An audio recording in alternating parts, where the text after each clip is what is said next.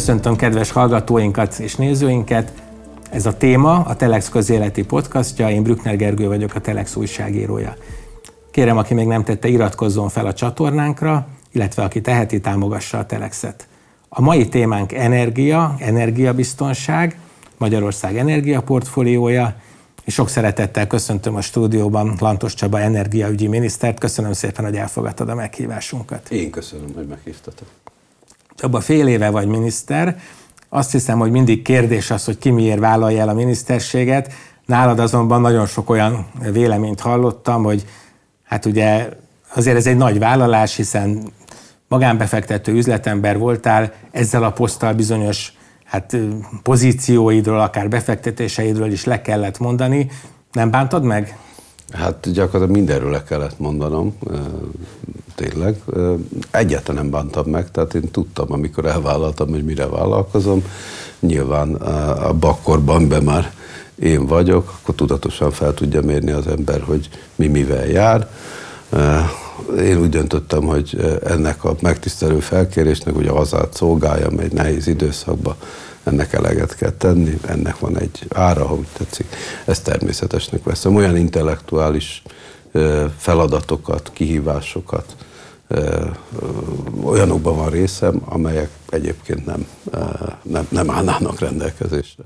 Igen, ugye ami nekem mindig nagyon érdekes a kormányzati energiapolitikában, és nyilván tudtad, hogy mit válasz el, hogy ugye energiaügyi miniszter vagy, de az energiaügynek bizonyos nagyon fontos elemei nem hozzá tartoznak.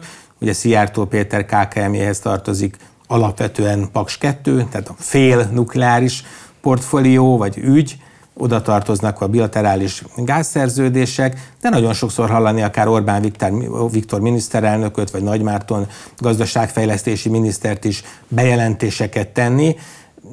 Milyen dolog ez, vagy mennyire működik, nem kéne itt a párhuzamosságokat lebontani, hogy energiaügyel foglalkozol, de valójában csak egy szeletével foglalkozol? Egyrészt nálam ez nem hiúsági kérdés, másrészt ez egy ismert setup volt, amiben én, én beleléptem. A PAKS az nagyon egyszerű kérdés, azt az Európai Unió nem engedélyezte másképpen, mint hogy két különböző minisztériumhoz tartozom, tehát ez nem egy szabad döntés. Nyilván, ha elkészül, és hogyha birtokba kerülünk, akkor természetes, hogy a Energiaügyi Minisztérium portfóliába fog majd egyébként tartozni, hogy a PAKS egy, tehát a mai működő Paks is, de a, a, a, akkor ez a döntés, ez, ez mondom, ez egy kívülről jött kényszernek való megfelelés. A másik, egy normális viszonyrendszerben az teljesen természetes, hogy van bizonyos fokú kooperáció. Ez a kormány eh, normálisan működik, úgyhogy teljesen világos, hogy lehet olyan eh, típusú felosztás. Az, hogy a kormányfő tárgyal, az azt gondolom, hogy természetes. Az, hogy amikor a kormányfő kíséretében egy másik miniszter is tárgyal, adott esetben olyan kérdésbe, ami a mi tárcánkat is érinti, azt is természetesnek tekintem. Az a jó hír, hogy amióta én vagyok, azóta egyébként teljesen természetesen tartalmilag mindig egyeztetünk, tehát nem olyan tárgyalások folynak, amiről én ne tudnék, vagy nem az én szakmai, eh, ha úgy tetszik, eh, eh, elképzeléseimmel találkozna mindaz, ami történik. De ez jó van így, azt kell mondjam, hogy van elég feladat, Magyarország ugye a 12-én lett önálló ügyi minisztérium, utánunk mi megelőztük a britteket, erre külön büszke vagyok, hogy két héttel minket követően lett csak Nagy-Britanniának energiaügyi minisztere, így is van elég dolg. Igen, azt, azt nem kétlem. Amikor érkeztél, akkor talán még mondhatjuk azt, hogy az energiaügy azért volt annyira az érdeklődés homlokterébe, mert ugye még energiaválságról beszéltünk, ami valamennyire ellátásbiztonsági kérdés is volt, de elég jelentősen árkérdés.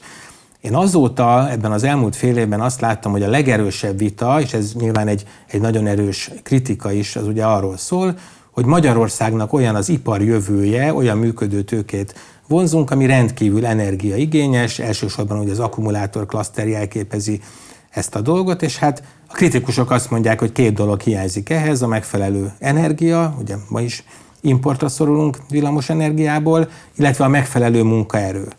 Nem tudom, hogy hogy látod ezt, nyilván majd nagyon szívesen belekérdeznék a részletekbe is, de mennyire tudsz te azonosulni ezzel az iparpolitikával, vagy a te feladatod annyi, hogy ehhez az energetikai lábat megteremtsd, vagy valamilyen szinten be vagy vonva ilyen az ipar tervezésébe is? Hát egyrészt összességében és hosszú, már rövid, közép és hosszú távon is az a terv, hogy Magyarország úgynevezett primér energiafogyasztása csökkenjen. Ez így volt előttem is, és így van alattam is.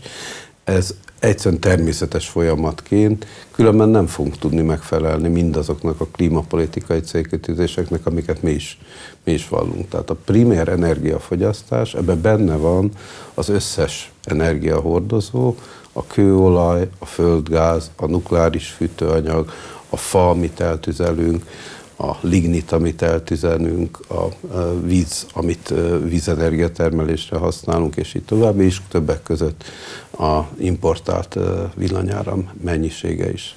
Igen, Magyarország egy nagy külső kitettséggel, az átlagosnál is magasabb. Átlagosan az Európai Unióban 71% a külső függőség, nekünk még ennél magasabb 76% az arány.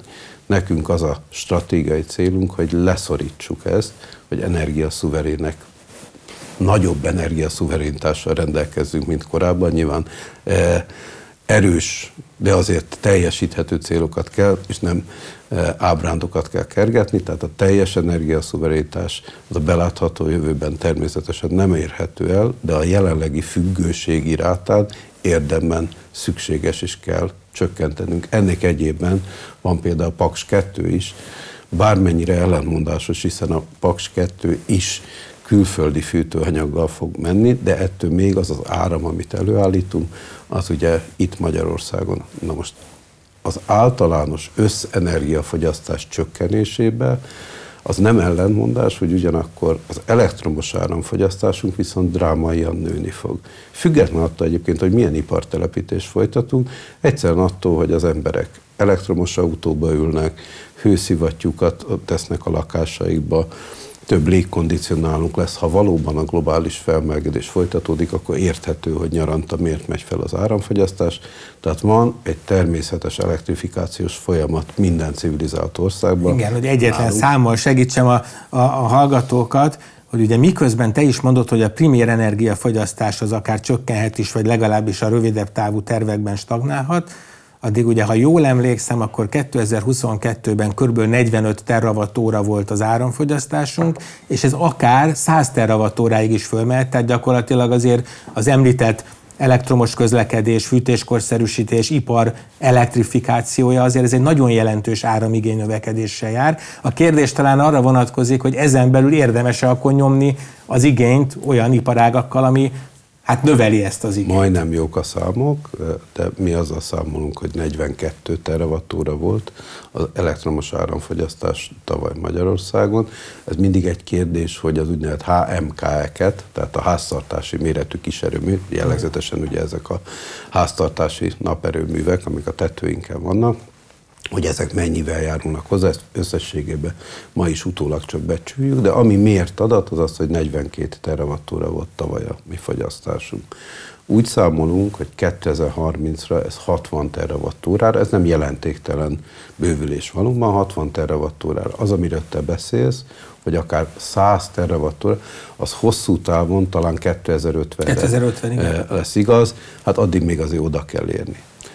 Ebbe részben, ahogy mondtam, egy teljesen természetes, ha úgy tetszik, civilizatórikus elektrifikációban menne, és igen, benne van az, hogy az iparosítás, egyébként nem csak az iparosítás, a közlekedés során is 2050-re, ugye hát ismert az, hogy az Európai Unió 2035-től, ugye az eredeti terv az volt, hogy már csak elektromos autót enged forgalomba hozni, végül a németek ki tudták harcolni, hogy az úgynevezett e-fuel-lel töltött autókat is majd lehet újként forgalomba hozni 2035-től, de 2050-re már arra számolhatunk, hogy jelentős mértékben a közlekedésben is áttér elektrifikációra. Az iparban, nem szeretnék a kérdés elő nehogy úgy tűnjön, hogy elbújni, igen, mi abban hiszünk, hogy hoz, magasabb hozzáadott értéket kell tudnia előállítani, és ehhez az embereknek dolgozni kell ahhoz, hogy az emberek dolgozzanak, és ilyen típusú munkahelyeken, ehhez létre kell hozni nagyváltokat, nem úgy jön létre, hogy a digitális nomádok, ha úgy tetszik, ide költöznek, ha úgy tetszik, úgy, csak úgy, hanem először van az, hogy ahogy Győrbe az Audi letelepült, akkor én emlékszem még azokra az értelmiségi fanyagokra, hogy de itt megvesz minket az Audi bagóért, odaadjuk a magyar földet, a magyar mindenféle fanyalgás ment. Ma ehhez képest nem csak az Audinak, a Boschnak, a Knorr-Bremzének, a Nokia-nak, annyi, annyi kutatás, a Jaguar csak magától nem is hozta ide már a termelést, a kutatásfejlesztési részlegét hozta ide. Tehát azzal, hogy az autóipar mellett letette stratégiailag a voksot Magyarország, csak visszaidézni. Ugye valamikor a szocializmusban, a Kádár rendszerben volt egy nagy dilemma, hogy Magyarország része legyen-e az autóiparnak. Azért már az akkoriak is látták, hogy ez egy jelentős mértékben a civilizációnk, függetlenül attól, hogy kapitalista viszont, de igényli, az emberek igénylik, megváltozott a szokása, hogy élnek, a kultúrán beélnek, igénylik az autót, hát nekünk lettek a Trabantok, Warburgok, Skodák, akinek már Zsigulia volt, ugye az nagyon menő volt. De akkor a magyarok nem voltak olyan erőpozícióban, hogy kiharcolják, hogy a táboron belül itthon is legyen autógyártás. Jó lehet, ugye az egyik első elektromos autót egyébként Aradon gyártották még a monarchia korában, amit a Magyar Királyi Posta rendelt. Tehát mi voltunk az egyik első elektrom, nagybani elektromos autógyártó. Akkor született egy ilyen döntés, mert az Ikarus értékláncot, ha úgy tetszik, ami a Csepel autóból állt, az Ikarusból, a Rábából, az fontosabbnak ítélték meg, úgy gondolták, hogy abból lehet egy vers. És ez sokáig így is volt egészen a rendszerváltásig. Évi tízezer autóbuszt állítottunk elő, és tudtuk döntően ugye a, a táboron belül exportálni. Igen, de ez de újságíróként ez egy szomorú emlékem, hogy hány kísérlet volt arra, Nabi, tehát hogy ebből megmentsünk valamit ebből a buszklaszterből, és hát természetesen most is van buszösszeszerelés Magyarországon, de hát azok a számok, azok eltűntek és azt hiszem, hogy értem a logikádban azt, Na, hogy ugye a személygépkocsira tettünk, így, így van, amit tehát, érdemes hogy... valamilyen fronton megőrizni, és értem, hogy ebbe beleillik az akkumulátor klaszter, csak azért mégis azt a párhuzamot is értem, hogy ha egyszer a vas és acél országa ötlet megfelelő adottságok miatt nagyon furcsa volt, hogy azért egy kifejezetten energiaintenzív ágazatot a jelenlegi energia problémánkban kiválasztani, mint a jövő mondjuk hát ilyen meghatározott iparága, azért az ezzel kapcsolatos kritikák jogosnak tűnnek, hogy ez nehezíti a mi helyzetünket. Én csak visszatérnék még a saját narratívámra, ha megengeded. Tehát azt gondolom, hogy akkor volt egy döntési szituáció, akkor, akkor végül is így döntöttünk, vagy mások így döntöttek Magyarország feje felett, mindegy is, kimaradtunk abból. Most volt egy helyzet, ami tulajdonképpen már az Antal kormány volt az első, aki meghozta ezzel kapcsolatos döntéseket, ami a Opelnek ugye a Szentgotthár gyára, talán az idősebbek még emlékeznek, hogy maga Antal József az első Opel Astrával legördül a gyártósorról, de aztán a Suzuki de jövetele követte, és utána a tekintetben is tulajdonképpen a politikai és a gazdasági elit egységes volt, hogy nekünk abszolút szükséges érdekünk az, hogy ide tudjuk hozni a német prémium autógyártókat, és legyünk büszkék egy pillanatra, nem mindig csak kicsik merjünk lenni, legyünk, merjünk büszkék is lenni. Mi igenis nagy sikert értünk el azzal, hogy mind a három nagy német prémium autógyártó, az itt van Magyarország, az Audi, a Mercedes, meg a BMW is ugye jön. És miután az autóipar egy óriási fordulatban van éppen, már nem előtte, benne van ebbe a fordulatba, az a kérdés, hogy meg tudja tart őrizni ezt a kiharcolt, az elmúlt évtizedekben kiépített komparatív előnyt az ország, azzal, hogy követi az autóiparnak ezt az óriási trendfordulat. Ez egy igazi trendváltás, vagy lemaradunk. Mi úgy döntöttünk, hogy megyünk az autóiparra. Senki nem annyira ostoba, hogy azt gondolja, hogy tíz év múlva is biztos, hogy ezek a technológiák lehet, hogy majd jön egy újabb valamilyen olyan hajtáslánc technológia, ami, ami majd újra alakítja. Lehet, hogy ez 10 év, lehet, hogy 20 év, hiszen teljesen világos, hogy ebbe azért ritka földfémek vannak ebbe a mai leggyakrabban használt uh, akkumulátorba. Lehet, hogy hidrogéncellás, tehát lehet, hogy másfajta technológia, lehet, hogy másfajta akkumulátor lesz benne.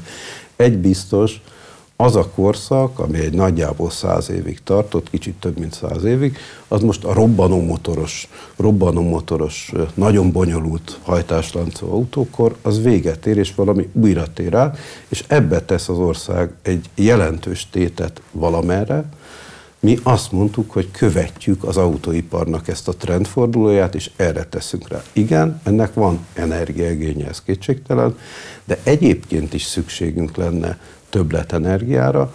A jó hír az, hogy az elmúlt 10-12 évben annyi új határkeresztező kapacitásunk épült ki, hogy könnyedén tudunk importálni is, meg adott esetben egyébként hozzáteszem mostanában már exportálni is nagy mennyiségbe áramot.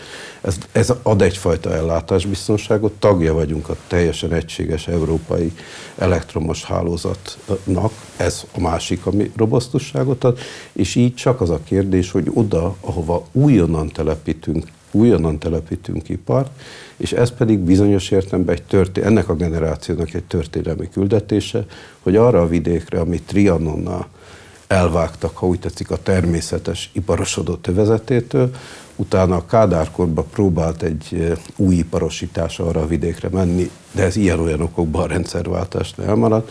Oda most megteremtsük azt, hogy az embereknek ne el kelljen költözni, hanem valódi hozzáadott értéket termelő munkával képesek legyenek ott helyben megteremteni. Ennél nincs Igen, ebben mindenképpen szeretnék belekérdezni, mert ugye ami leginkább a ti aspektusotok ebből, hogy ezt a bizonyos megfelelő energiaellátást biztosítsátok, és hát nagyon sokféle ötletről, nagyon sokféle erőmű fejlesztésről lehetett hallani, természetesen a legrobosztusabb ebből Paks 2, ami ugye pont nem hozzá tartozik, vagy esetleg majd Paks 3, de talán kezdjük azokkal a kiegészítő elemekkel, ami nagyon fontos, de úgy minden egy kicsit köhög, ugye legyen mondjuk az első a a, a, a szél energia. Azt tudom, hogy egyáltalán nem a legfontosabb ebben az egész mixben, viszont itt volt egy vállalásunk, ugye most már többször beszélt arról szakember, hogy, hogy ez jön, hogy ebben javul a szabályozás, az EU felé is tettünk egy ígéretet, hogy március 31-ig ebben lépünk. Nyilván utána is még legalább két év, hogy új szélerőművek lépjenek be a, az energiatermelésbe, de mi van most a szélerőművekkel? A szélerőműre úgy tekintünk, mint a mi energia mixünkbe egy szükséges komplementer elem. Magyarország ott van, ahol van, és olyan geográfiai meghatározottsággal bír, amilyennel. Ugye nekünk nincs tengerpartunk, nincs arra lehetőségünk, hogy nagy offshore szélturbinákat állítsunk fel a seki tengerbe, azok a legigazán az, azok a leghatékonyabbak, igen. Nekünk erre mind nincs módunk. Arra van módunk, hogy szárazföldi telepítésű, valamennyi e, e, szélkereket elhelyezünk az országba.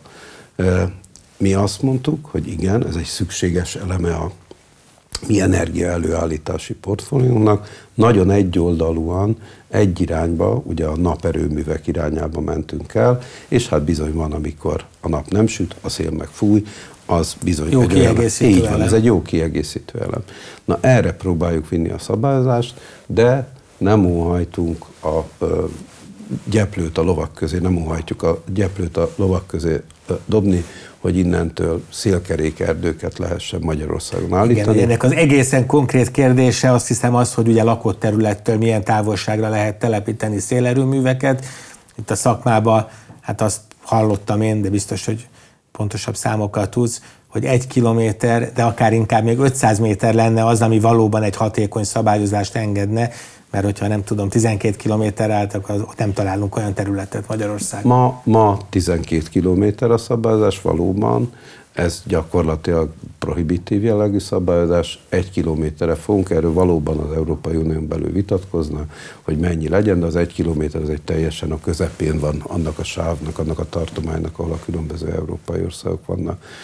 Vita van azon, hogy természetvédelmi területeknél milyen típusú lehessen, ne lehessen. Mi alapvetően azt mondjuk, hogy nem lehet természetvédelmi, olyan típusú természetvédelmi területen, ahol védendő értékek vannak, és továbbá azt mondjuk, hogy vannak olyan, mondjuk Magyarország egy kicsi ország, meghatározott tájkép rendszerrel. Nekünk van néhány olyan nagyon értékes tájképi struktúránk, amikben nem óhajtunk szélkerékerdőket állítani, ezeket tiltani óhajtjuk. Na, ezen folyik jelen pillanatban vita, tehát jelen pillanatban ezt a vállást fogjuk De látok egy számot, hogy most dátumra gondolok, hogy mikor kerülhet már oda a szabályozás, hogy Hogy ez letisztul a piac számára? Nagyon sok kérdésben az Európai Unióval, azt kell mondjam, hogy szinte az élet minden területén nagyon komoly egyeztetések folynak. Itt kultúremberek módjára próbálunk egyeztetni, nem mindig ugyanazokat az értékeket valljuk az élet más területein is. Itt is különböznek a nézeteink, próbáljuk természetesen képviselni azokat az értékeket, amiket mi vallunk pontosan nem tudom megmondani, azon vagyunk, hogy még ebbe az évbe legyen, és hát nyilván eltérnek a tekintetbe is a nézetek, hogy és hogyha a szabályozás megengedőbb lesz, akkor mennyi szélkerék lesz Magyarországon. Itt különböző számok röpködnek a levegőben, mi inkább a moderáltabb, moderáltabb, de ez mindenképpen azért hmm. 1000 megawatt fölötti szám.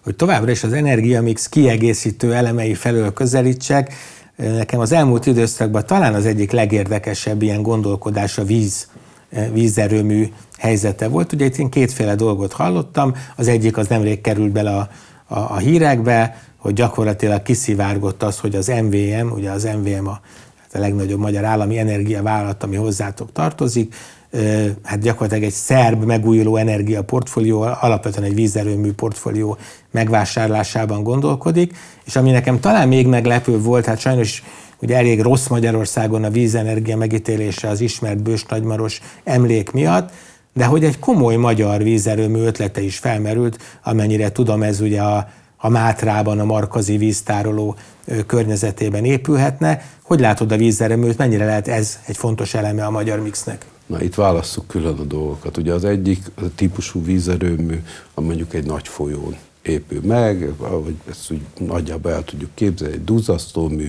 és vagy folyamatosan üzemel, vagy szakaszosan üzemel. Akkor Erre alkalmas Szerbia valamennyire, igen. A, a, a szerb egy kicsit más példa, ott hegyek vannak, nálunk ugye hegyek sajnálatos módon nincsenek, tehát hmm. nálunk ami elképzelhető, mondjuk a Duna alsó szakaszán, vagy a Tisza alsó szakaszán, nagyjából ez két olyan helyszín, ahol lehet egyébként nem óriási mére, a Dunán lehetne egy 160-165 megawattosat, a Tiszán meg egy 40-50 megawattosat. Ugye ez az ország átlagos villamos áramfogyasztás egy adott pillanatban az 5-6 ezer megawatt között szokott lenni. A csúcsfogyasztás, amit valaha mértünk tavaly november egy adott napján, az 7400 megawatt. Tehát, hogyha ebbe a kontextusba beillesztjük ezt a 160 meg 40-50 meg, azért jól látszik, hogy ezek nem vált, változtatják Sajnos aztán minden kicsi elemre szükség lesz, de ezek, valóban nem egy meghatározó. Ezek, amik elképzelhető, hogy valamikor egyszer piaci alapon, piaci beruházó ezt, ezt megépítse, ezt nem tartom kizártnak, nyilván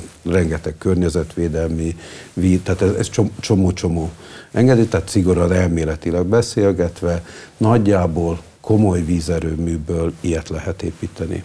Magyarországon is egyébként nem mondanék le arról, hogy sok kis törpe vízerőművet lehet csinálni, akár nagyobb folyón is, mint ahogy a régi vízimalmok voltak, vagy a kisebb, de nagyobb esésű folyókon. Ez a történet egyik része.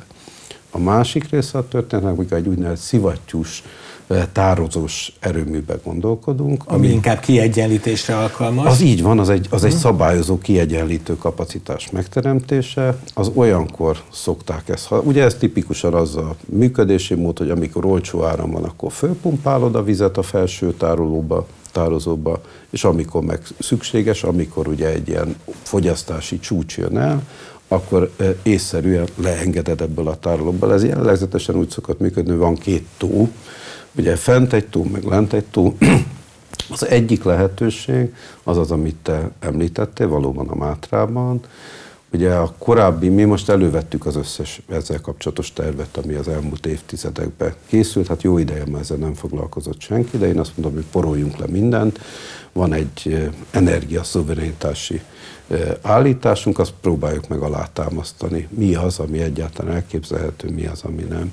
15 ilyen terv készült ilyen-olyan e, stádiumig. A 15-ből mi megvizsgáltuk azokat, ami, ami egyáltalán gazdaságosan és nem nagy környezeti kockát mellett szóba jöhet. Azt tudom mondani, hogy van még néhány, a érdeklődésünk homlokterébe, ezek mind olyanok, ami valami ipari tájon. Tehát egy ipari tájsebet gyógyítanánk be, vagy kezelnénk egyúttal, semmiképpen nem egy kultúrtáját óhajtunk tönkretenni, vagy egy nagyváros fölött, ha úgy tetszik. Most utalnék arra, hogy a prédikálószék, ugye az volt korábban egy ilyen, ilyenekről nem beszélünk, kifejezetten olyanról beszélünk, ezek az erőművek azért nem kicsi erőművek, 300-600 megawattos erőmű kategóriában vannak. Ezek már érdemben hozzá tudnak járulni az országnak a csúcsfogyasztási igényéhez. Nyilván ennek alternatívája az, hogy mennyi akkumulátorunk lesz. Ugye, mert ugyanarra a célra szolgál részben egy ilyen csúcserőmű, mint amennyit adott esetben. Ugye egy nagy különbség van, hogy a ma használatos lítium-ion akkumulátorok azok kettő órát tudnak termelni, ahogy tetszik, két óra alatt sülnek ki. Vannak egyébként olyan akkumulátorok, amik már 6-6 és fél óra, az már nagyságrendileg összevethető egy ilyen szivattyús tározós erőműnek a képességével. Tehát azt érdemes megnézni, hogy hasonló méretű, hasonló kapacitású, kiegyenlítő energiatermelő egység, mondjuk egy szivattyús tározós erőmű, mondjuk versus nagy mennyiség, vagy adott esetben nem egy telephelyen, de szétszórva az országba akkumulátor, ilyen hosszú távon használható akkumulátor, versus olyan gyorsindítású gázturbinák, amik ugye ugyanezt a kiegyenlítők.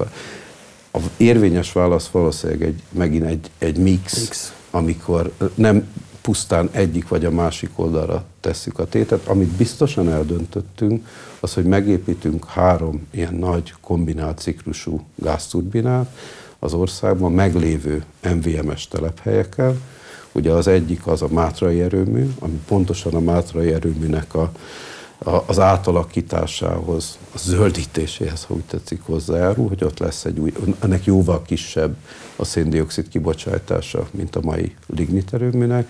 A másik kettő nagy turbina az pedig Tiszaújvárosba, a régi eh, Tisza 2 erőműnél, akik esetleg arra fel járnak, ott egy jó nagy kémény van az Alföldön, na ott, ott lesz a, a másik, tehát meglévő infrastruktúrát felhasználva, relatíve megint megpróbáljuk kihasználni azt, amit a korábbi ember, a korábbi generáció megteremtett már számunkra, még felhasználható, és a viszonylag legkisebb ráfordítással megteremtünk olyan technológiákat, amivel ezt a képességet egyre jobban felért. Tehát nem pusztán az a kérdés, hogy van-e áram, áramot tulajdonképpen ma az Unióból tudunk vételezni, ha nekünk elfogyna, hanem ez az óriási kilengés, ugye pont május első napjaiban volt, hogy 2800 megawattnyi áramot mi exportáltunk. Tehát korábban, amikor még nem... Sütött a nap. Nagyon sütött a nap. Amikor nem voltam még energiaügyi miniszter, akkor ezt elképzelhetetlenek gondoltam, azt olyan természetesnek tekintjük, hogy hát igen, Magyarország áramimportőr. Nagyjából 25-30 százalékban általában importáljuk az áramot, de pont most ezekben az időszakokban, amikor amikor nagyon süt a nap, és még nincs nagy meleg. Igen, hozzá. ez az ideális most. Ez az ideális.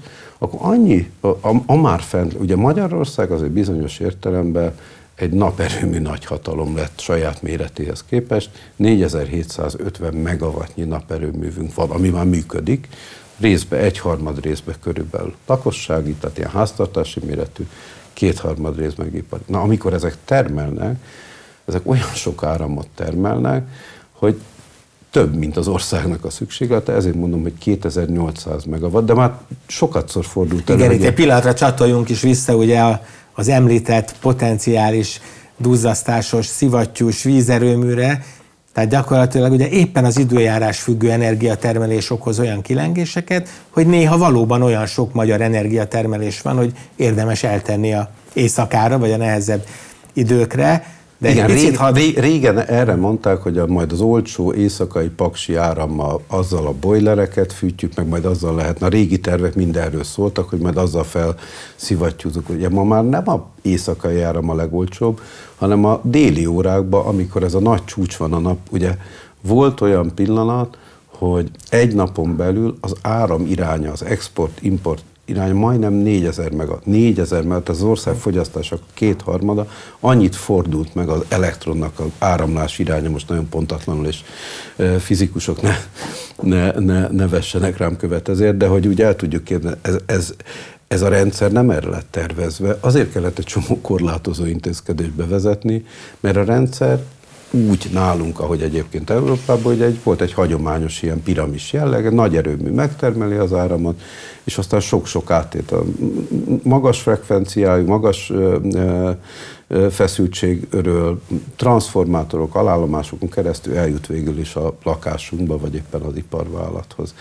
Ehelyett most egy sokkal bonyolultabb, sokkal több pólusú hálózat jött létre, ahol nem csak egy irányba megy az áram, hanem na most ehhez meg kell teremteni a feltételeket, hogy ez a rendszer jól tudjon működni. Itt vannak természetesen szűk keresztmetszetek. Igen, itt egy pillanatra hadd szakítsalak meg, mert annyi témát érintettél, hogy már nagyon sok minden vele szerettem volna kérdezni, de meg egy pillanatra hadd ugorjak vissza, ugye Ebben a nagy kiegyenítési igényben jelenleg ugye a gáztüzelési erőművek viszonylag jó eszközök, és említettél egy nagyon fontos fejlesztési irányt, ami persze hát fosszilis, úgyhogy ilyen szempontból nyilván kritikákat is kap, de ez a bizonyos Mátra, illetve két tiszai gáztüzelésű erőmű, ami nagyon lényeges eleme lenne az energiamixnek, viszonylag hamar elkészül, nagyon drága beruházás, de viszonylag hamar elkészül, Viszont itt mindenképp meg kell kérdeznem, még ha beszéltünk is róla, hogy ez lehet, hogy Szijjártó Péter területe, ugye a gázellátást, hogyan lesz bele gáz, és hát, hogy egy nagyon aktuális geopolitikai helyzetre kérdezzek rá, hát ugye a legerősebben most a földgáz, ugye orosz földgáz érkezik, a politikailag relatíve instabil Törökországon, majd a polgárháború szélére sodródó Szerbián keresztül, tehát Értem, hogy nem feltétlenül neked kell ugye a bilaterális földgáz szerződéseket kötni, de itt azért van valami olyan terv, korábban lehetett egy erősebb LNG kapcsolatban kapcsolatról hallani, akár észak-olasz LNG terminálok felé vezetéképítés, akár Lengyelország. Tehát hogyan lehetne ezt a energiafüggést, ezt az orosz leválást, ezt az útvonali kitettséget csökkenteni, mert ez egyre fontosabb lesz, hogyha továbbra is a gázra teszünk. Egyrészt abban, amit mondtál, illetve kérdeztél, azért volt egy csomó állítás, én azzal nem értek egyet, ne haragudj. Tehát szerintem Törökország egy teljesen stabil ország, most erősítették meg Erdogan elnököt. Szerbiában én nem látok polgárháborút, Szerbia déli határai mentén, ugye ez most egy jó kérdés, hogy a Szerbia része vagy... sodródott, vagy valami ilyesmit mondtam én is. Tehát én, én azért ezt nem, nem, nem, nem látom Teljes ennyire, mozgósítás van éppen. Ennyire is stabilnak, ahogy te mondod.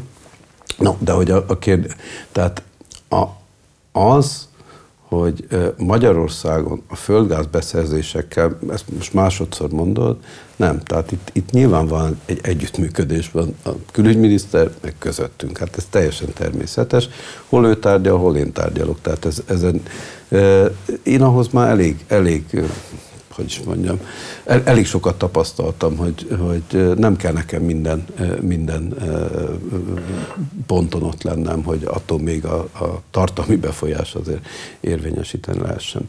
A, de a külügyminiszter úr áldozatos tevékenységének köszönhetően Magyarország ma is rendelkezik olyan jelentős mennyiségű, stabil gázbeszállítási szerződése, nem, egyet, nem, nem egyedül áll ez a Gazpromos éves 4,5 milliárd köbméteres szerződés, hanem ezen kívül még van több olyan szerződésünk, ami középtávon biztosítja az ország ellátás biztonságát. Nem csak az oroszokkal. Tehát ma az összfogyaszt, gázfogyasztásunknak körülbelül a fele az, ami az már egy jelentős, jelentős függetlenséget azért bizt, vagy e, nem egy oldalú a függőségünk, azt mondanám. Ugye tavalyi évben 9,5 milliárd köbméter volt Magyarország gázfogyasztása, és ebből 4,5 milliárd, ugye ez a Gazpromos szerződés, aminek van még olyan kiegészítő eleme, hogyha mi akarunk, akkor tudunk még többet importálni. Hát igen, és azért a fogyasztásnak a többi elemében is, ha molekula szintre lemegyünk, azért még több orosz molekula van, ami legfeljebb nem abból a az, szerződésből fi, érkezett. Fizi, fizikailag, hogy adott esetben észszerűbb nekünk mondjuk Ausztrián keresztül is orosz gázt vásárolunk, de adott esetben nem orosz partnertől vásároljuk, valamilyen nyugati partnertől vásároljuk. Az már a kereskedőknek a dolga. De mi veszünk a Kriki LNG terminálon keresztül is veszünk, a mostani tárgyalások pedig azt hivatottak biztosítani, hogy Azerbajdzsánból is például, de próbálkozunk majd Katarral is, tehát hogy próbáljuk diversifikálni, tehát ne azt a, igen, itt, itt hagyományosan beragadt ez a kép, hogy mi egyértelműen és borzasztó kétségtelen tény, hogyha valamilyen oknál fogva megszakadna az összes orosz gáz útvonal, ez ugye ma dél felől Szerbiát jelenti, jelenti az Ukrajnán keresztül folyó Magyarországra bejövő vezetéket, de adott esetben a szlovák vagy a, a, a Ausztria felől bejövő vezetéken is jellegzetesen abban igazad van, orosz molekula szokott, csak nem orosztól vesszük beérkezni. Tehát, hogyha ezeket az irányokat mind levennénk, mert valamilyen módon ezek ellehetetlenülnek, mert fessük az öldögöt a falra, akkor is még maradt két útvonalunk Romániából, illetve a Kriki LNG terminálból, Ausztriából. De az, hogyha nem orosz gáz jön, akár a szlovák interkonnektoron keresztül, akár az nem azt jelenti, hogy akkor ne vehetnénk máshonnan gáz. Ugye lett egy új észak-déli gázfolyosó itt Kelet-Európában, ez korábban nem volt tradicionális. Akár a lengyel kikötők is elérhetők. Így van. Van Lengyelországban is, van a letteknél is ma már egyébként új LNG, ilyen regasification terminál. Lett egy nagy vezeték Norvégia és Lengyelország között a tenger alatt, egy évi 10 milliárd köbméter kapacitású. A horvátok tervezik bővíteni ezt a 2,9 milliárd köbméteres regász terminálukat, de Magyarországra fizikailag elérhető a Alexandropolisnál, ez egy görög relatíve új LNG terminál, amit szintén terveznek bővíteni, és ne feledkezzünk el arra, hogy az orosz gázról való leválás jegyében sorra új regaszterminálok épülnek ki Európa mentén. Azon dolgozunk, hogy diversifikációs biztos, lehetőséget biztosítsunk az országnak. Hát ez nagyon jó hallani, mert ugye bizonyos szempontból e, ugye nagyon sokszor hangoztatta a politika különböző mondjuk hát kevésbé Oroszországot elítélő, vagy az orosz energiaintézkedéseket blokkoló magyar nyilatkozatoknál az, hogy mennyire adottság az orosz függés, és közben azért, amiket most ez, mondtál, ez egy eléggé ez, ez szélesebb kor, Ez korábban opció. tényleg egy teljes, teljes meghatározottság volt, és ma is igaz az, hogy nekünk komparatív előnyt biztosít, ha a meglévő, fizikailag létező gázcsöveken keresztül jön be az orosz gáz, ennél nem lesz olcsóbb. Tehát az igaz, továbbra is, tartósan is, hogy nekünk érdek, az a nemzeti érdekünk, hogy fennálljon, ez fizikailag is fennálljon, és kereskedelmileg is fennállnak ezek a csatornák, mert az biztos, hogyha egy oldalon a másik, egyik függőséget nem szívesen cserélnénk fel egy másik függ. Az ugyanúgy függőség lenne, csak másoktól függenénk. Egy ilyen másik függőség például ugye a horvát, mert ugye mind olaj, az olajjal ugye elsősorban a MOL foglalkozik, és talán kevésbé a kormányzat, mind a földgáz tekintetében ez a bizonyos omisái, tehát Adri, a Krix-szigeti terminálból jövő vezetékek annyiban problematikusak, hogy, hogy hát sokszor hallani azt, hogy milyen drága tranzitdíjakat követel Horvátország. Nem gondolom azt, hogy feltétlenül ti tárgyaltok ebben, de azt azért gondolom, hogy ebben nem tudnátok beavatkozni? Tehát nem tudna a magyar kormányzat valami de, de jól, de jól gondolod, hogy igen, ez egy abszolút magyar diplomáciai erőfeszítés is, mert teljesen elfogadhatatlan a helyzet, hogy gyakorlatilag ugyanúgy fegyverként használják, mint ahogy másokat szoktak ezzel vádolni. Az, hogy semmilyen költség alátámasztása nem indokolható módon akár erről az oldalról, akár a másik irányba egyébként. Jelenleg két kőolajvezeték van Magyarországon, és mind a kettőnek a, a külföldi tulajdonosa az gyakorlatilag zsarolásszerűen. Ugye a barátságról beszélünk az ukrán A barátság az egyik, a másik pedig ez az addia, mind a kettő, vagy hívják. Ez egy átfogóbb kérdéshez vezet, hogy jelen pillanatban ez nem egy szab... A földgáz szállítás az egy szabályozott tevékenység Európában az áram meg egészen egyszerűen az egy egységes európai integrált áramrendszer keretében működik. Ehhez képest a kőolajvezetékek tradicionálisan így alakult, ezek vállalati kézben vannak, magyarán a magángazdaság része. Nyugat-Európában ezek jellegzetesen a kőolajvezetékek konzorciális tulajdonban vannak, magyarán a konzorcium résztvevők érdekei érvényesülnek benne eredendően, addig ebbe a térségbe pedig általában nemzeti tulajdonban vannak. Eddig ebben a nemzeti tulajdonban lévő vezetékeknél azért működött a racionalitás elve. Egy szélsőségessé vált korban, sajnos meg kell tapasztalnunk, amikor ezzel visszaélnek. Ez nekünk igenis, ez, ez az ország, ez nem csak a molnak az érdeke, ugye ez az országnak is az érdeke, mert nekünk van eredendően egy ellátásbiztonsági feladatunk. És ez azt hiszem, hogy nem csak ellátásbiztonság, nyilván első körben az, de hát a hallgatókat valószínűleg a legjobban az érdekli, amit a bőrükön érezhetnek.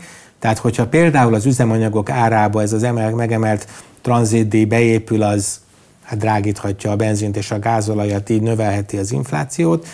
Ugyanakkor van egy olyan érzése is mostanában az embernek, hogy ha viszont jó hír van, tehát hogy például lefelé konszolidálódtak ugye az energiárak, így a gázár, akkor hát nem igazán hallani azt, hogy ez most a fogyasztók zsebéig is eljutna. Hogy látod ezt, hogy ugye arról nyilatkoztatok többször, hogy a rezsicsökkentés keretrendszere még a piaci, illetve a támogatott ár struktúrája is alapvetően marad, de az a bizonyos piaci ár, amit egy nagyon megemelkedett gázárak idején állított be az energiahivatal, illetve a minisztérium, ez, ezzel mi lesz? Ez mikor mehet lejjebb, hogyha most tartósan már megint 30-40 euróig visszament a gáz tőzsdei ára? Ugye megint egyel kanyarodjunk vissza az aktuális tőzsdei ár, meg az, amin a fogyasztó kapja, vételezi a gázt, vagy éppen a villanyt. Ugye a villany még inkább, azt lehet, mert ez azonnali termék, de a, a gázt azt be kell tárolni, el kell szállítani, tehát annak sajnos sokféle egyéb rárakodó A korábban megvett drága gáz kell most kifizetnie mindenkinek, ha jól értem. Nagy, nagyjából le akarom egyszerűsíteni, igen, korábban nagyon magas volt a gáz, nekünk akkor is vennünk kellett a gáz, van egy jelentős mennyiségű gázunk, azt valahogy el kell tudnunk adni. De azért, azért egyel visszább lépnék. A Magyarországon a háztartások nagyon olcsón kapják a földgázt is, meg a villanyát. Ugye a földgázra térjek rá, ugye a földgázt addig a bizonyos átlagfogyasztásig, az, egy, az ilyen olcsón sehol nem lehet ö, gáz kapni. Tehát azok a fogyasztók is, akik adott esetben magasabb fogyasztó, ugye ez azért a 20%-a az összes fogyasztó, mert 80%-a az gyakorlatilag ezt a rezsivédet. Mondom. Igen. De a 20% mintha a piaci ár fölött venne, fizetne. Önmagába igen, de az érdemes megnézni, hogyha együtt nézzük a rezsisáv védelemig tartó mennyiség, meg az, az átlagár még mindig alatta van a piaci igen, igen, tehát hogy, hogy ahhoz egészen kiugróan nagy mondjuk senkit nem szeretnék ostorozni, tehát nagyon nagy fogyasztónak kell lenni, hogy valaki még összességében egy-kettő, aki viszont ilyen, semmi nem tiltja ma egy fogyasztónak, hogy ő kilépjen, az egy, úgy hívjuk, hogy egyetemes szolgáltatás, ugye ez a rezsivédelem, és ha úgy dönt egy fogyasztó, hogy neki nem éri meg, akkor kiléphet vissza is léphet. Ha talál egyébként. olyan energiakereskedőt, aki hát, hogyha olyan, ha olyan nagy fogyasztó, akkor miért ne találna? Tehát, hogy azért e tekintetben nincs különbség egy kis vállalkozó, aki ma adott esetben, ugye a mikrok és kisvállalkozók egy körére tudott az MVM adni egy biztonságot, ez olyan 180 ezer vállalkozás, akik bennmaradtak az egyetemes szolgáltatásba, ez 10 fő alatti foglalkoztat és 2 millió euró árbevétel alatti teljesítményű mikro- és kisvállalkozók. Akik e fölött vannak, azok már szükségszerűen a piacon vannak kint, mindenkit nem tudunk megvédeni, az nem bírja el az ország költségvetési teherbíró képessége. De egy magánember, dönthet úgy, ha ő úgy ítéli meg, hogy ő egyébként akkora fogyasztó, hogy nem kér a rezsivédelemből, szabad a válasz, és mondom, még az az opció is megvan, hogy később, ha majd adott esetben nem lesz ennyire a piacon, nem gondoljuk azt, hogy, hogy ez a 30 euró körüli ár, ez tartósan fennmaradhat, ez azt gondoljuk, hogy már jelentősen az alatt van. Ma egy úrá optimizmus van a, a piacon, magasak kétségtelenek a tárolói szintek, ebbe benne van két tényező, egyrészt egész Európa, és így mi is egyébként eh, nagyon radikálisan tudtuk csökkenteni a fogyasztásunkat a tavalyi fűtési, vagy hát az elmúlt fűtési szezonban, október 15-től április 15-ig 25%-kal csökkent Magyarországon a gázfogyasztás. Ez több egyébként, ez nagyobb gázfogyasztás csökkenés, mint az Unió átlagában. De egész Európában végbe ment egy radikális fogyasztás csökkenés. Kettő, hogy enyhe volt a tél. Ugye ennyire enyhe tél azért, azért 5 év átlagában nem volt még, nem volt szokásos. Ha egy, egy hidegebb tél lesz, ha mégis, amikor megyünk majd előre, abban az időszakban, amikor fűteni kell, és esetleg egy-két LNG ilyen regász terminál még nem épül meg, és kialakulhatnak. Tehát most egy, egy nagyon optimista megközelítés van, a piacokra jellemző, te is, én is voltunk a tőkepiacon, de még ma is ott is dolgozol, látunk már azért a tekintetben hetet meg havat, tehát jöhet olyan időszak, amikor nem ennyire, ennyire megváltozik a, az általános szentiment, és ebbe bizony benne van, hogy emelkedik az ár. Na, egy ilyen helyzetben megadjuk azt a lehetőséget az éppen, aki innen ki akart lépni a rezsivédelme, hogy visszalépjen. Igen, most egy kicsit ketté válik bennem a gondolat, mert ugye egyrészt nem fejeztük be az energiamixet, és még nagyon szeretnélek majd kérdezni nukleárisról, napról, meg szénről, amit nem érintettünk, de egy pillanatra hadd maradjak a rezsicsökkentésnél. Tehát egyrészt felsoroltad azokat, amik segítették ezt a rendkívüli energiahatékonyság javulást. Azt hiszem, hogy mindenképpen kulcselem volt ebbe a rezsicsökkentés csökkentése, tehát az, hogy azért volt, aki már piaci árat fizetett meg. És ugye a rezsicsökkentésnek van egy olyan aspektusa is, hogy az MVM, ugye, aki hát ennek a cehét fizeti, az több száz milliárd forint támogatásra szorul, vagy hát ilyen veszteség lenne, hogyha neki kéne egyedül ezt állnia. Nem láttam az elején, amikor ugye miniszter lettél azt, hogy az energiaügyi minisztériumban, vagy az energiahivatalban nagyon nagy változások lettek volna, de ennél a kulcsvállalatnál viszont ugye új vezérigazgató van, és hát amennyire hallom, szinte naponta kapom a telefonokat, már száz fölötti embert cseréltek le. Egy pillanatra hadd kérdezzelek most az MVM-től. Egyrészt nem tudom, hogy ez ilyenkor mennyire a vezérigazgató hatóköre, vagy ezt a miniszterrel egyeztetve alakítja át. Egy ekkora változtatás nem megy a folytonosság, a működőképesség rovására. Egyáltalán miért volt szükség ekkora cserére? A Magyar Energia és Közműszabályozási Hivatal ugye egy önálló, független országos hatáskörű szerv, tehát ott egy miniszternek nem lehet. De tény, ami tény, hogy a én miniszterségemet követően az elnök úr és az elnök helyettes úr új, új munkahelyet keresett. Tehát, hogy azért Van ezt nem állítom, de minden esetre tény, tényszerűen említsük meg. A, az MVM-nél pedig azt kell mondjam, hogy szerintem az egy természetes, hogy van egy százszájkos állami tulajdonú jelentős méretű vállalat. Itt 18 ezeren dolgoznak, nagyon kiterjedt a vállalat működése. Én azt a feladatot kaptam, hogy ezt egy tőzsdeképessé tegyem ezt a vállalatot. Az a kimondott tervünk, hogy az OTP, MOL, Richter után legyen egy következő magyar blue chip. Ahhoz, hogy ezt elérjük, az összes kolléga, akit én megismertem egyébként, semmi gondom nem volt velük személyesen, de mégis ilyenkor egy új nótához, ha úgy tetszik, új, új primás kellett, és megtaláltuk a megfelelő embert Mátrai Károly személyében, és e tekintetben igen, egy nagy átrendeződést kell végrehajtani annak érdekében, hogy ezekhez az új feladatokhoz, és a minél inkább szolgáltató-orientált, ügyfélfókuszú, tehát azok a jelenetek, amik végbe mentek, jól lehet, nem az MVM tehet róla, ha úgy tetszik, ami a rezsicsökkentés, csökkentése, ahogy te hívtad. Ott egy nagyon bonyolult helyzet állt elő, nagyon sok ügyfélpanasszal, azért jól megmutatta a külvilág felé is, hogy mennyit kell fejlődni ennek a vállalatnak. Jól lehet, ugyanonnan nem ő kereste ezt a, hát ezt a igen, helyzetet. Igen, a hátába se kívánta ezt a dolgot. De, de ettől még, ettől még ebbe az új helyzetbe, mondom, az összes eddigi embernek a teljesítményét egyáltalán nem kritizálva, de azt gondolom, hogy ez egy természetes folyamat, hogy új embereket alapvetően egyébként a piacról, piacról, itt most egy fókusz van, ez az MVM, jelenleg összesen 2100 milliárd külső adósságfelvételi képessége rendelkezik.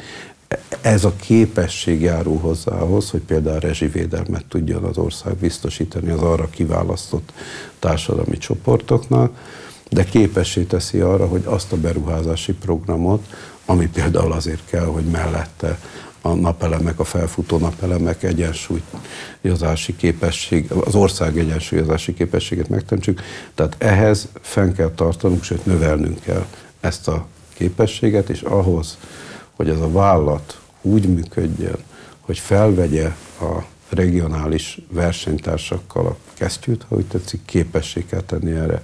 Ez egyébként azt jelenti, hogy nem pusztán magyar bajnok, magyar bajnok, ezt nem lehet kétségben, hogy már ma is a magyar bajnok az energia fronton a, a, az MVM, de hogy regionális bajnokká kell válnia, legalább olyan erős szereplővé, mint amilyenek a versenytársak. Itt az energiapiac, ugye van egy kitűnő, személyesen is ugye nagyon jóba vagyunk Hernádi ura, van egy kitűnő olyan követendő, követendő minta, a MOL jegyében mi szeretnénk egy másik, hasonlóan erős tőzsdei nagyvállalatot létrehozni az MVM-ből. Hát ez biztos, hogy egy nagyon nehéz és, és hosszú feladat lesz rengeteg e, buktatóval. Egy pillanatra most nagyon szívesen kérdeznének meg az MVM-ről, de hadd ugorjak vissza az energiamixre, mert már annyiszor szóba hoztuk a nap energiapiacot. Most legutóbb ugye olyan összefüggésbe említetted, hogy hát különböző beruházások kellenek ahhoz, hogy még nagyobb mértékben tudjuk ezt a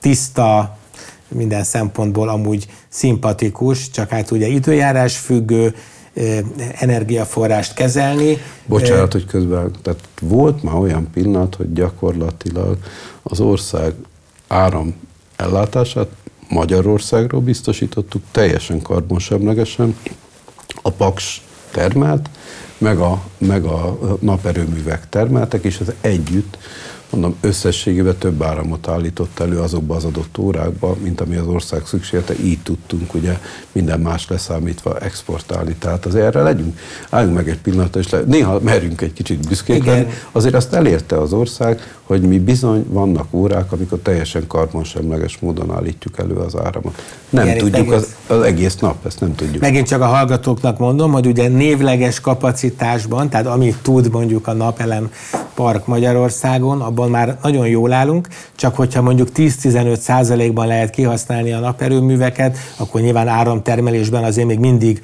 a megújuló energia, vagy azon belül is a legnagyobb része a napenergia csak kiegészítő most, elem lehet. Most úgy számolunk, Gergő, hogy most fenn van, ahogy mondtam, 4750 megawattnyi, és 2030-ra korábban mi azt vállaltuk, hogy 6,5 ezer megawattot fogunk elérni, ez most biztosan, biztosan meghaladjuk, remélem már jövőre, és 10 ezer megawatt, tehát 10 gigawattnyi áramot fog tudni termelni a naperő flottánk, ez több lesz, mint adott pillanatban az országnak az ellátási szükséglete.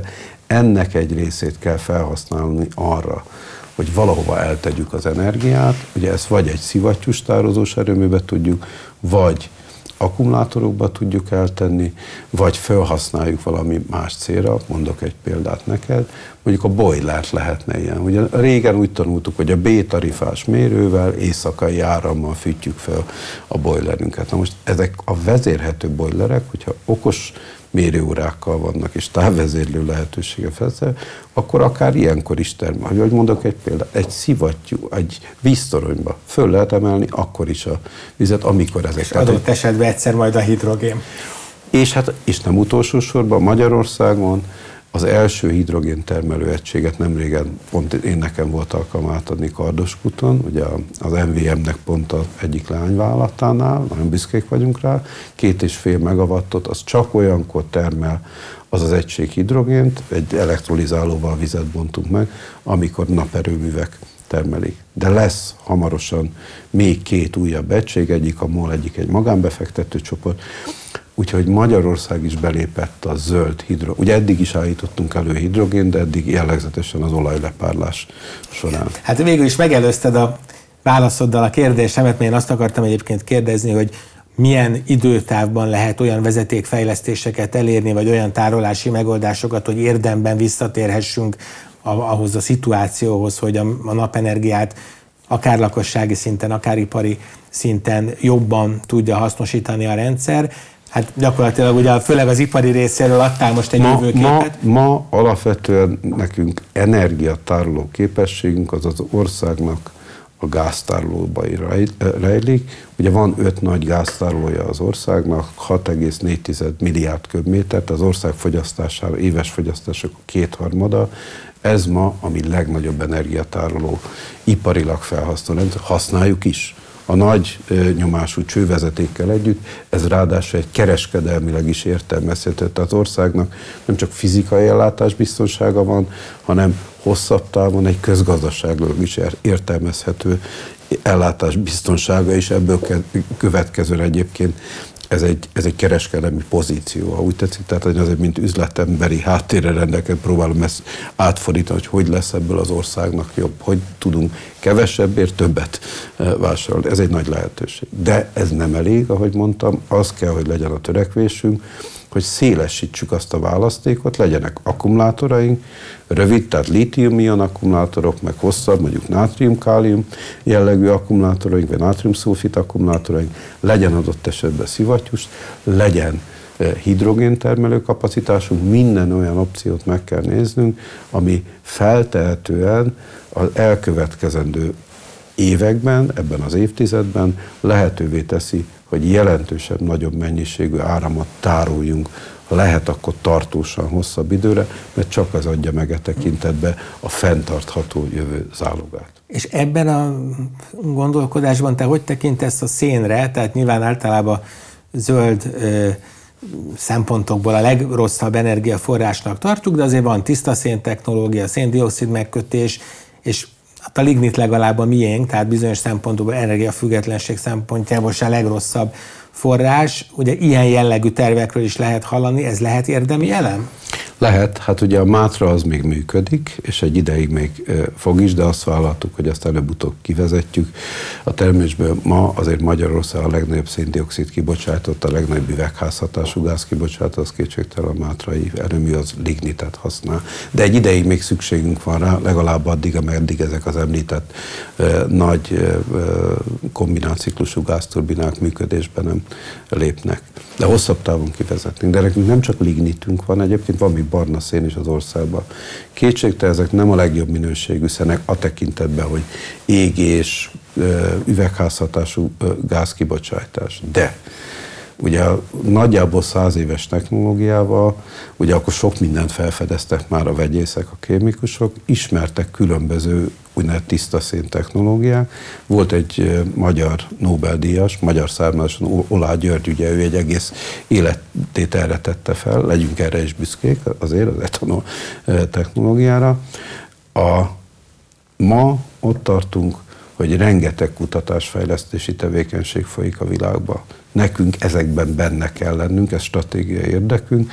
Meglátjuk, egyelőre még nem tartunk ott, hogy egyértelműen kijelenthető lenne, hogy nagy léptékben, ipari léptékben, gazdaságosan ezek felhasználhatók, de ahogy technológiai áttörés lett a napelemekbe, ugye hát 20 évvel ezelőtt már akkor is voltak napelemek, de hát közel nem voltak ilyen, ilyen hatékony. A szélkerekekbe, ha belegondolunk, amit ma látunk Magyarországon, azok másfél megawattos székerekek. Amiket ma építenek, ezek 6 megawattosok, tehát négyszer a teljesítményű, de ami kint van a, a, a északi tenger talpazatán, azok ott már vannak 15 megawattos. Tehát fejlődik az anyagtechnológia, ugye ez jelentős részben valamiféle vegyészkedésen alapul, ha úgy tetszik, fejlődik rengeteg más olyan technikai terület, a nukleáris technológia is, amit említette például, de így én azt gondolom, hogy egyáltalán nem dobhatjuk ki azt, hogy Magyarországon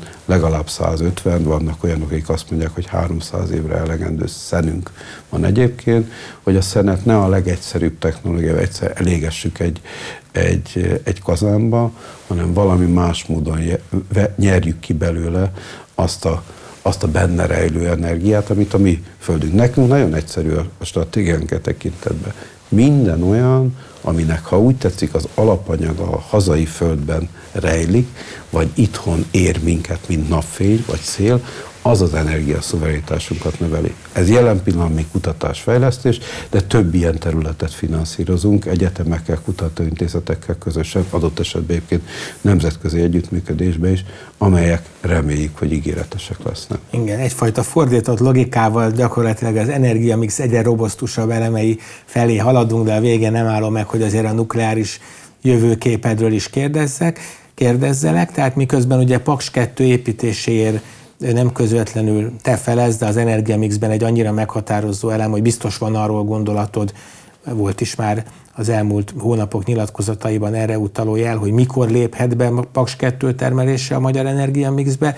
Ugye van egy 2030-as, mondjuk úgy, hogy hivatalos, de senki által el nem hit meg egy ilyen 2032-es, kicsit reálisabb szám most a, a, az én fejembe, és ugye arról is van egy még halkabb vita, hogy jönne a Paks 3, ami tudomásom szerint még a tervek szintjén se Pakson lenne, de mondjuk egy harmadik nukleáris mm, erőmű szükségességéről is azért van gondolkodás, tehát Paks 2 belépése, és mit gondolsz Paks 3-ról, kell-e ilyen még a mixbe? A Paks 2 nagyon kell, ugye nekünk azért elmaradt az elmúlt mondjuk majdnem 50 évben nagy alaperőmű fejlesztése nem volt az országnak. Lényegében ugye új ilyen kombináciklusú gázturbina is csak egy valósult meg 2011-ben, az sem magyar országi beruházó révén. Most ezt pótoljuk ugye ez a három nagy új gázturbinával. De ez nem elég. Tehát az országnak ugye ma körülbelül a, a fogyasztásunknak az egyharmadát állítja elő a nevezük paksejtnek, tehát az a négy nagy blokk, ami összességben 2000, 2000 megawattot tud termelni. A Paks 2 azt célozza, hogy már egy újabb, még biztonságosabb technológia, kétszer 1200 megawatt, tehát ez egy 2400 megawattos atomerőmű lenne. Azért ilyen atomerőművek ugye vannak mai Oroszországban, Ilyen épült volna Finnországba, akik politikai okokból leállították, de ilyen erőmű épül egyébként ugyanez a technológia, ugyanezek a reaktorok Egyiptomba, Bangladesbe, vagy éppen most volt a nagy törökországi erőmű, az egy négyszer ezer, az lesz a legnagyobb működő erőmű. És ez mind rossz atom? Ez mind, mind ugyanez a technológia, ez most az oroszoknak, ha úgy tetszik, a csúcs terméke, ez az 1200 megawattos reaktorú. Most volt az első blokknak a fűtőelem beemelése Törökországnak, tehát, eh, hogy mondjam, már másodszor mondott, hogy hozzám nem tartozik a nukleáris, tehát eh, azért nyomon követjük, hogy mi, mi történik nukleáris fronton. Ez, ez egy nagy siker, hogy az Unió most átment, az a szerződés módosítás, ami lehetővé teszi, hogy innentől újra felgyorsuljon az építkezés. Tehát az építkezés fog folytatódni, és reméljük, hogy fel is gyorsul. Azok a viták, amik eddig, eddig némileg hátráltatták valóban, azok itt most véget érnek, és felgyorsul a beruházás. Amiről pedig Paks 3-ból, én nem tudom, Pakson épül. Még azért, ha mondanál azt, hogy ebből a felgyorsul a beruházás, ebből akkor neked most milyen dátum lebeg a szemed előtt? Én remélem, hogy minél hamarabb ez megvalósul. Akkor ez, ez a 2030 még mindig reális lehet? Én remélem, hogy minél hamarabb megvalósul. Erre, erre a kérdésre jelen, jelenre nem tudok többet mondani. Most van az a fázis, amikor a felgyorsulást látjuk, és majd ezekben a hónapokban dől el, hogy pontosan mi az a reális határ. Mi nekünk az áll az érdekünkben, hogy minél hamarabb. Ezért nem is óhajtok olyat mondani, mert még esetleg felmentést adna a beruházónak, de ezt nem szeretném megtenni. Nekünk az az érdekünk, hogy minél hamarabb, hiszen hiányzik. Ez az a, ugye ez azt jelenteni, hogy lecsökkenne a importfüggőségünk ezen a fronton. Tehát ez nekünk érdekünk. A, harmadik kérdés, ez a úgynevezett kis modulális reaktorok, ahogy ezt már mondják, SMR, Small Modular Reactor, ugye az angol, ez definíció az, hogy 300 megawattnál kisebb egy ilyen erőmű teljesítménye, és hogy ahogy a maga a mozaik szó is mondja, ez modulális, tehát ez gyárba kvázi sorozattermékként állítják elő. A mag készülő atomerőművek mindig egyedileg készülnek, egyedileg vannak az adott helyszínre, meg ezek nagyon nagy méretű létesítmények, ezért nagyon sokfajta vizsgálatnak kell megfelelni. Amire pedig elmegy a világ, egyelőre egy ilyen működő van, de 15 fajta, összesen én 70 különbözőről olvastam, szinte 15-öt láttam is, különböző technológiákat különböző vállalatok futtatnak. Tehát itt egy óriási verseny, vagy egy új hajnal van a nukleáris technológiának. Volt egy 20 év, amikor egy alkonya volt, és most új hajnala van, talán már németek is megváltoztat. Tehát ez a, ez a hattyúdala volt, hogy éppen most áprilistól bezárták, a, de valóban megfordult a, a, a szél, ahogy tetszik.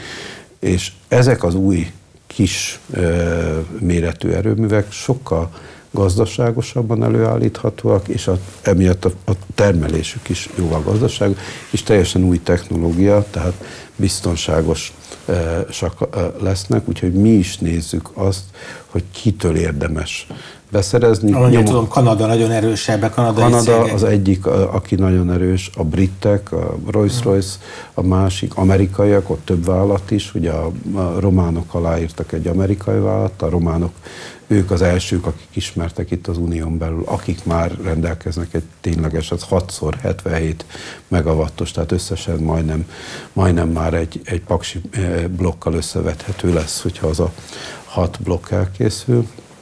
Ők 2029-re ígérik, de a csehek is font, tehát többen még a, a lengyelek is, akiknek ugye jelen pillanatban nincs e, e, egyáltalán atomerőművük, de meglepő mondom, hogy Argentinában Argentinának egyáltalán nincs nukleáris erőműve, de ők saját erőforrásból, természetesen az oroszok, a kínaiak, a dél-koreaiak, tehát sok mindenki foglalkozik, hogy van választék bőven, ezek egymással is versengő különböző technológiák, ezt nagyon alaposan meg kell nézni, különösen azt, hogy az európai szabályozás ugye a nukleáris technológiában ott teljesen egyöntetű szabályozás vonatkozik egész Európába. Itt nem lehet önállóan fickándozni, itt alá kell magunkat vetni.